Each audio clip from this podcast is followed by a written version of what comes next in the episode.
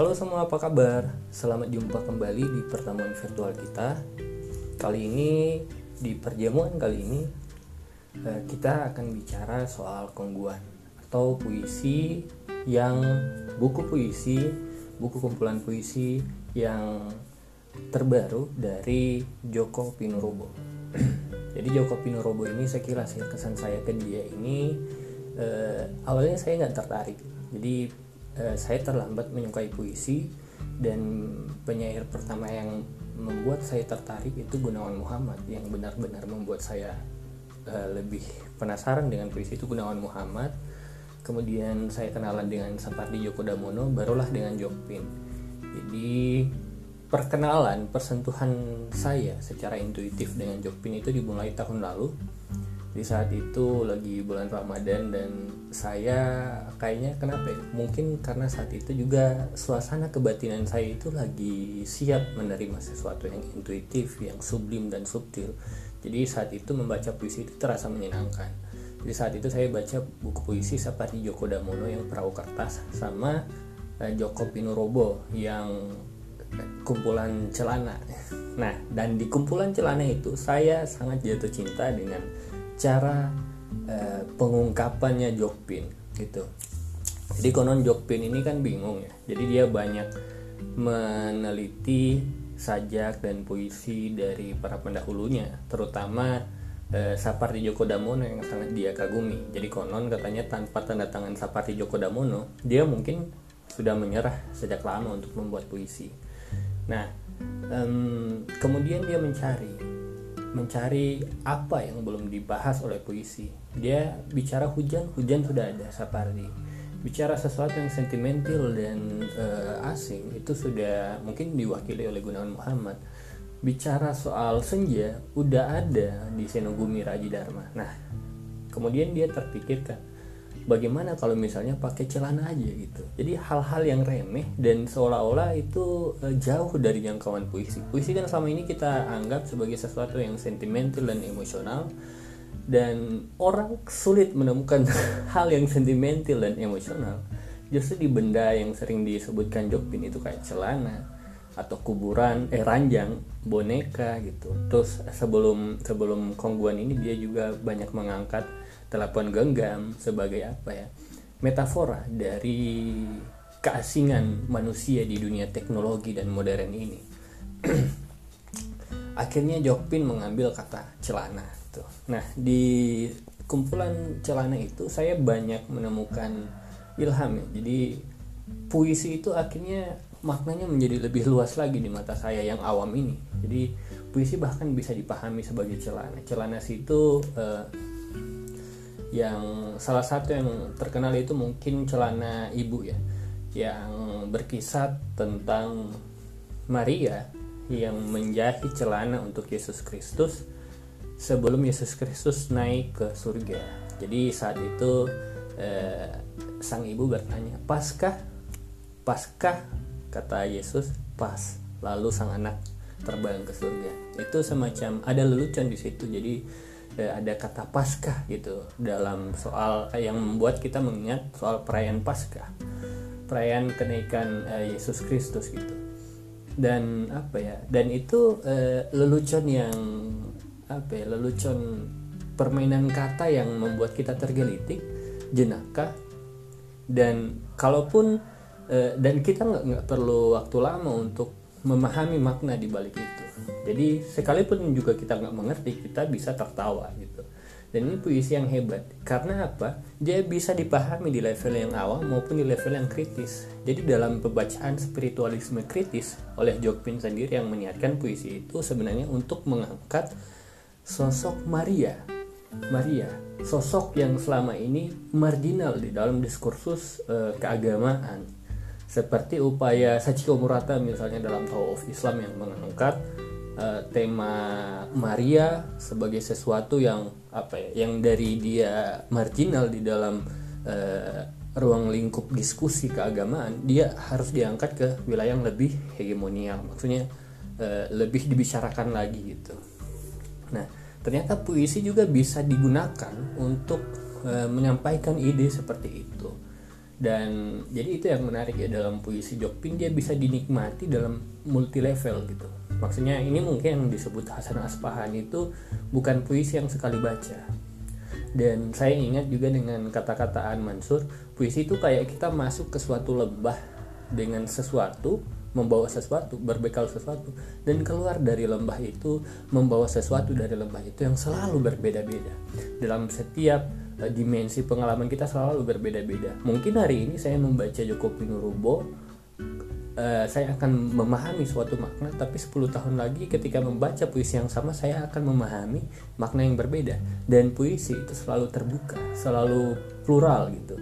Dalam puisi ya. Uh, perbedaan itu dirayakan dengan sangat demokratis dan dan uh, dan di dalam Joko Pinurubo puisi-puisi Joko Pinurubo uh, makna yang demokratis itu semakin indah karena dia tidak hanya melibatkan orang-orang yang yang bahasanya itu orang-orang dengan kapasitas intelektual di Menara Gading yang bahasanya tinggi-tinggi baru bisa memahami puisi tidak dia juga bisa ditujukan oleh orang yang awam semisal saya untuk mengenali puisi lebih akrab dan lebih dekat lagi. nah itu kesan saya kepada Jokmin.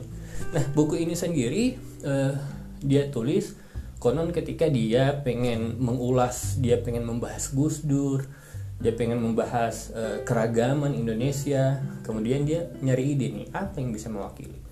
Oh kalengkongguan gitu, karena kalengkongguan ini kan dekat dengan milenial ya, jadi uh, semiotika kalengkonguan itu sering di di apa di dikapitalisasi menjadi iklan-iklan politik misalnya.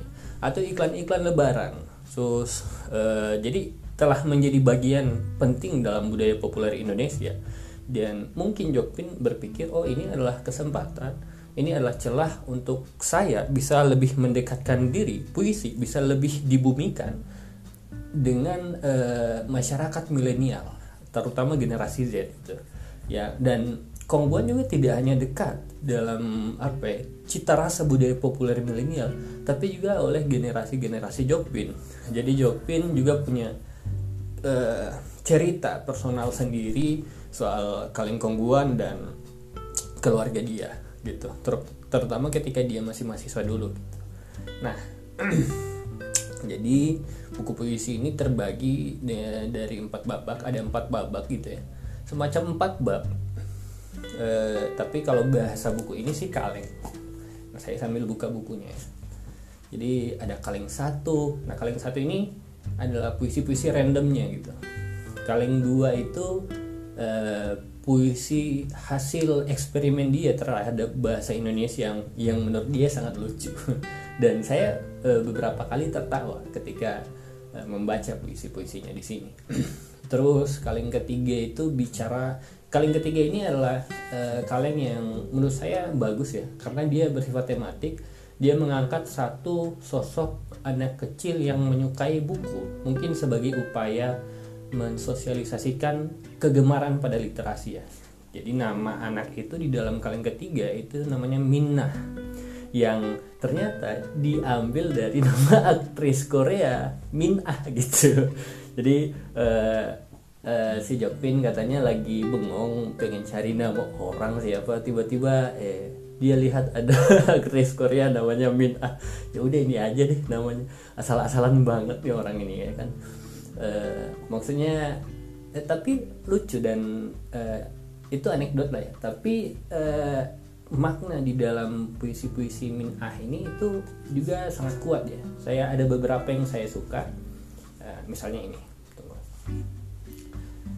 Min Ah Min Ah. Ada satu yang merupakan kritik terhadap Instagram yang hari-hari ini akhir-akhir ini juga uh, sering saya gelisahkan gitu. Nah, judulnya aku tuh Minah. Di dunia maya, Minah bisa menjelma sekuntum senja yang memabukkan mata. Di dunia nyata, ia selembar mimpi yang kumal karena sering dipakai menggosok punggung derita.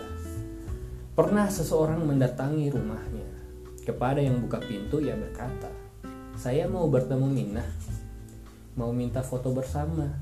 "Ya, saya Minah." Sambut yang buka pintu. Ia langsung pamit, "Maaf, saya salah. Anda bukan Minah." Minah memukul pintu. aku tuh minah pakai tanda seru gitu. Jadi um, jadi uh, di awalnya ini, di dunia maya jadi di bait-bait awal di dunia maya minah bisa menjelma sekuntum senja yang memabukkan mata. Mungkin maksudnya adalah uh, di dunia maya orang itu bisa menampilkan diri dia dalam versi yang terbaik yang menurut dia terbaik menurut dia dan terbaik menurut publik gitu. Jadi orang itu bisa menjadi cantik dan menjadi abadi itu dan menjadi tampan dan menjadi bahagia sekali itu hanya lewat foto. Dan e, sayangnya itu bergayung sambut dengan kecenderungan orang yang menilai sesuatu secara e, sekilas dan dari permukaan saja. E, misalnya atau disebut hello effect juga ya dalam psikologi jadi kita tuh senang menilai 100% kehidupan seseorang hanya dari misalnya satu foto yang dia tampilkan di atau dari feed Instagram seseorang atau dari um, dari apa ya uh, Insta story seseorang. Jadi aktivitasnya itu seolah-olah mewakili 100% aktivitas dia yang sesungguhnya di dunia nyata.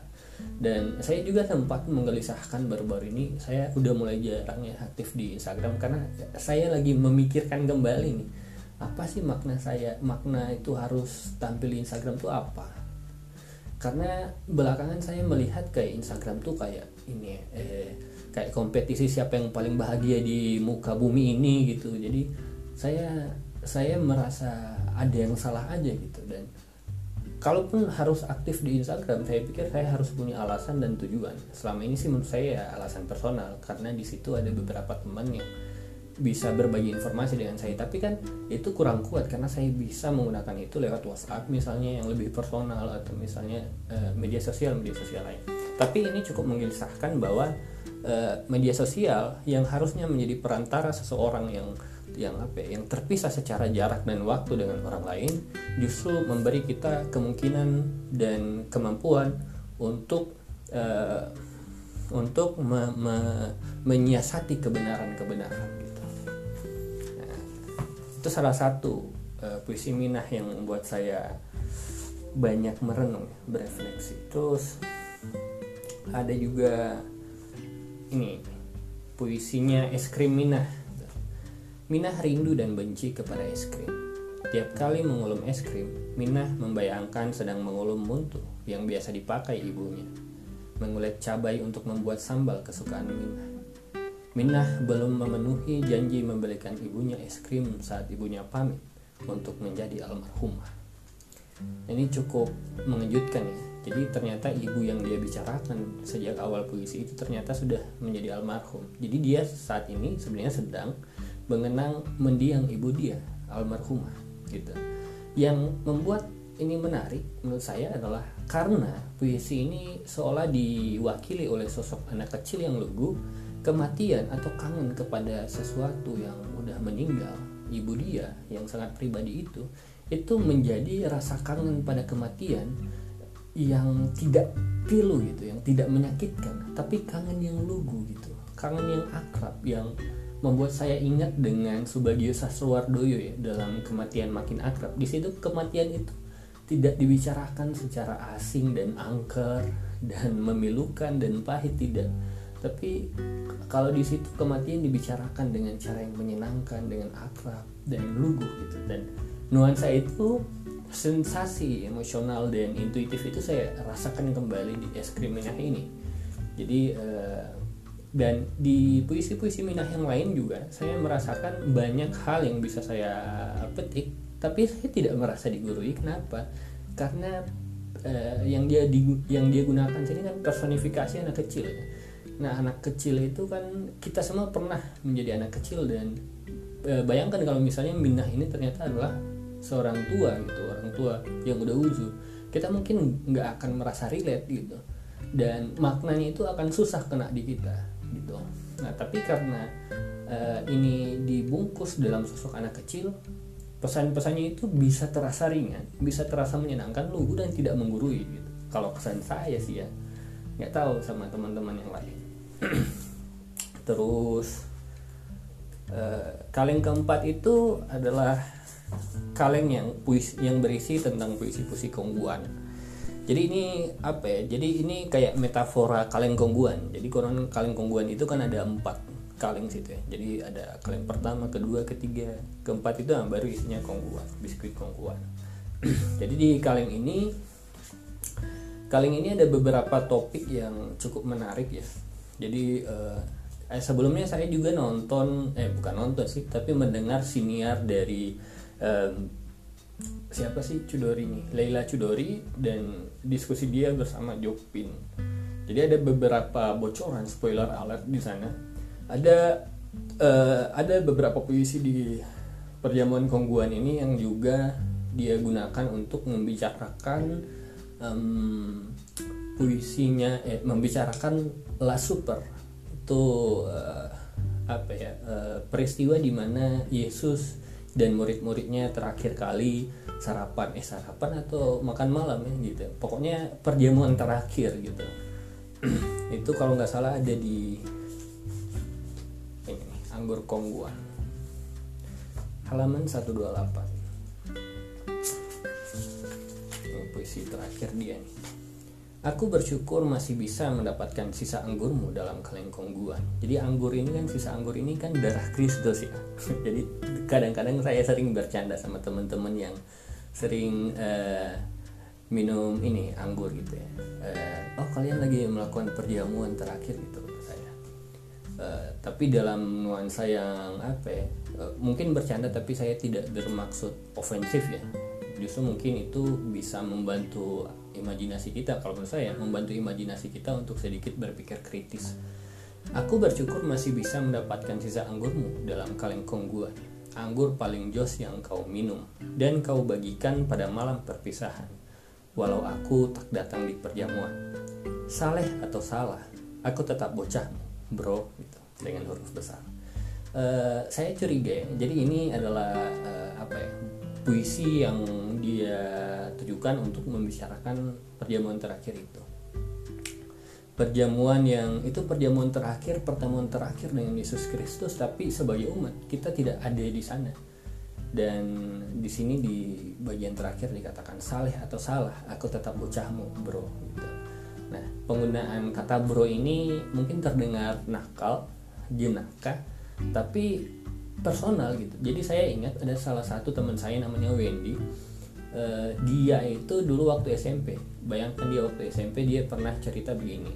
Uh, selama ini katanya kita merasa seolah-olah berjarak dengan Tuhan.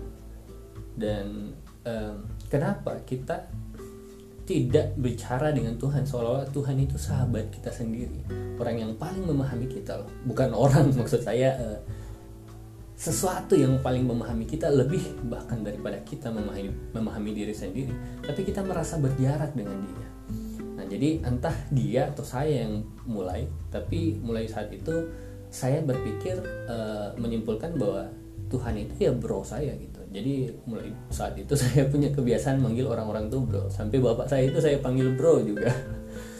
Uh, jadi di sini ada nuansa keakraban gitu dengan Tuhan. Tapi apa ya ya ada nuansa lah super itu itu kemudian bangkit lagi di dalam imajinasi saya. Itu tidak lagi dengan sosok yang sakral dan lain sebagainya tapi sangat intim dan personal di sini juga ada puisi yang dia tujukan untuk Gus Dur ya. Mana nih? Sabda Kongguan kalau nggak judul. Uh, Sabda Kongguan. Sabda Kongguan. Nah ini.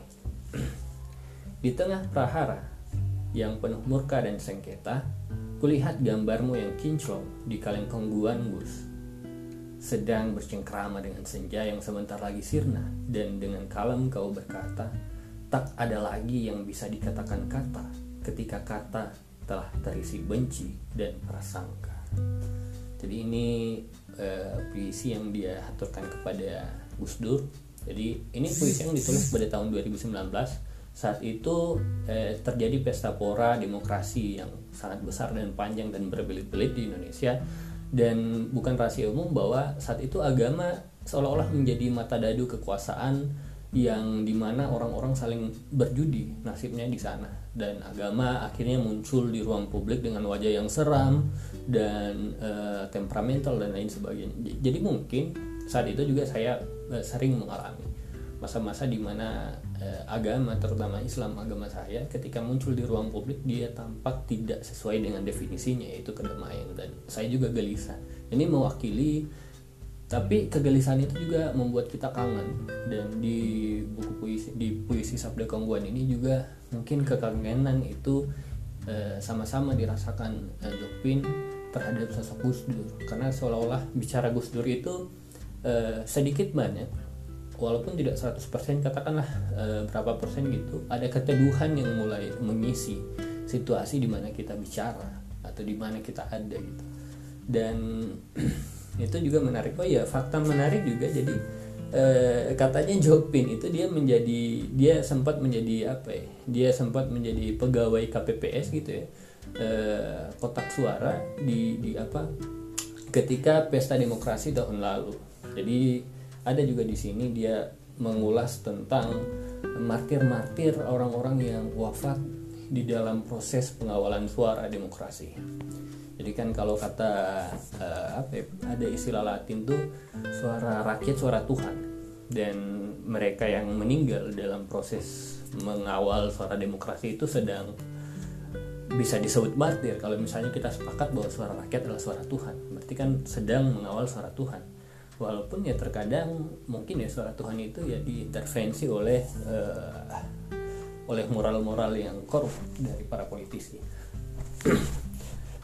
Ya saya ngomong apa ya sudah mulai melantur. Tapi uh, sekali lagi itu banyak gagasan seperti itu lahir hanya gara-gara puisi. Jadi puisi itu kayak membawa saya ke pikiran saya sendiri dan membangkitkan tafsir-tafsir yang bisa beraneka ragam gitu yang bisa ke mana-mana gitu dia seolah-olah memberi sayap kepada kepala saya untuk terbang gitu. Dan eh, pengalaman terbang dalam kemerdekaan berpikir dan berimajinasi lewat eh, bantuan Jokpin itu bisa menjadi pengalaman yang menyenangkan penuh tertawa dan bisa menjadi sangat kritis. Karena sekali lagi puisi Jokpin ini memang puisi yang bisa dinikmati dalam berbagai macam level. Dan menurut saya kalaupun ada buku puisi yang bisa menjembatani gap gap pemahaman. Antara sama ini kan kita melihat kayak puisi puisinya apa ya? Puisi Gunawan Muhammad puisi hmm, puisi Jopin eh puisi Jopin puisi Sapardi terus apalagi yang lama-lama tuh Amir Hamzah dan lain sebagainya itu puisi yang mungkin sekilas enak secara intuitif eh, pikiran otomatis pikiran singkat kita akan berkata ini enak tapi kita susah memahami maknanya. Seolah-olah di balik kata-kata itu ada teka-teki ada labirin gitu dan membutuhkan waktu cukup lama dan penelusuran yang mungkin tidak eh, tidak tidak tidak gampang untuk bisa benar-benar memahami jantung maknanya. Walaupun itu bukan makna yang final ketika kita merasa sudah memahami maknanya. Masih ada kemungkinan makna lain. Jadi eh, terkadang puisi itu untuk beberapa orang terutama ada beberapa teman saya yang walaupun sering baca buku tapi mereka nggak pernah ngerti dengan puisi. Ya memang puisi itu nggak harus dimengerti juga ya kadang-kadang ya dinikmati aja. E, tapi akhirnya ada kesan bahwa puisi itu seolah-olah berada di langit-langit pemahaman kita. Jokpin sepertinya bisa menjadi rekomendasi untuk siapa pun e, setidaknya itu bisa bisa apa ya? Bisa pelan-pelan meniti pemahaman terhadap puisi bahwa puisi itu nggak harus selalu berada di langit yang jauh. Dia juga ada di bumi kita gitu. Jadi puisi Jokpin itu kayak pembelajaran soal puisi gitu. Jadi biar ketemu sama puisi-puisi yang lebih apa ya maknanya lebih penuh teka-teki kita lebih mungkin lebih lebih terbiasa gitu ya. Karena uh, udah pede lebih dulu gitu. Karena pernah bisa memahami puisi Jokpin gitu walaupun puisi Jokpin itu mungkin bahkan tidak bisa dipahami oleh si Jokpin sendiri gitu. Um, itu sih. Jadi uh, ada satu juga yang menarik. Di sini soal pemilihan diksinya Jokpin. Jadi Jokpin tuh banyak mengambil puisi yang merupakan eh, kata diksi yang merupakan hasil serapan dari bahasa-bahasa daerah kayak bahasa Jogja dan bahasa Jawa gitu ya. Ini ada beberapa saya tulis. Saya ke susu asu mencret gitu. Koplo muntu nyungsep uwu kata apa itu? Uwu itu. Jegang ngowo simbah gitu. Jadi apa ya? Eh, penggunaan kata pemilihan kata itu salah satu kemampuan penting dalam berpuisi. Karena bayangkan kalau misal eh, ketika dia menggunakan kata-kata ini pemilihan diksi yang hasil serapan bahasa daerah ketik maka ketika membaca puisi-puisi itu yang menggunakan kata dari serapan bahasa daerah ada nuansa yang akan muncul itu. Kenapa? Karena kata saya percaya kata itu sangat dekat dengan imajinasi sangat dekat dengan ingatan kita gitu. Jadi kayak misalnya kata ada satu puisi di mana dia bisa pakai kata kata kloset tapi dia justru pakai kata saya kata kakus. Justru dia pakai kata kakus 28 Tega sekali kau jadikan dirimu yang wah kakus kumuh berwajah rumah ibadah. Nih lagi ngemaki orang nih. kayak muka lu kayak kloset gitu. Tapi kamu sok-sokan menjadi alim kayak gitu. Tapi yang menarik sih ini dia memakai kata kakus, kata yang lebih dekat dengan e, bahasa rakyat bawah gitu bahasa Indonesia yang lebih dekat dengan bahasa masyarakat non urban masyarakat pinggiran dan lain sebagainya. Jadi ada nuansa-nuansa bahwa seolah puisi-puisi di dalam di dalam puisi Jokpin ini mewakili eh, kelompok sosial tertentu mewakili eh, wong cilik dan lain sebagainya. Dan itu membantu saya untuk memahami dan mengkonstruksikan uh, puisi ini ketika saya membayangkannya itu di dalam pikiran saya dalam proses pembacaan. Dan ini adalah pengalaman membaca yang sangat menarik dan dan pasti akan saya rekomendasikan ke kawan-kawan juga gitu. Maksudnya kalau ada yang nanya apa salah satu buku puisi yang menarik? Setidaknya yang saya baca tahun ini ya saya pasti akan langsung bilang ini perjamuan kongguan. Nah buat teman-teman yang belum baca kalau menurut saya uh, tidak akan pernah menyesal ketika udah beli buku ini dan dan ya menguji kata-kata saya dari tadi ya paling itu aja sih. Di terima kasih karena masih setia masih kembali ke perjamuan virtual ini. Semoga kita selalu diberikan kesehatan dan kebaikan dan nikmat kebahagiaan selalu. Sampai jumpa di perjamuan virtual selanjutnya. Bye bye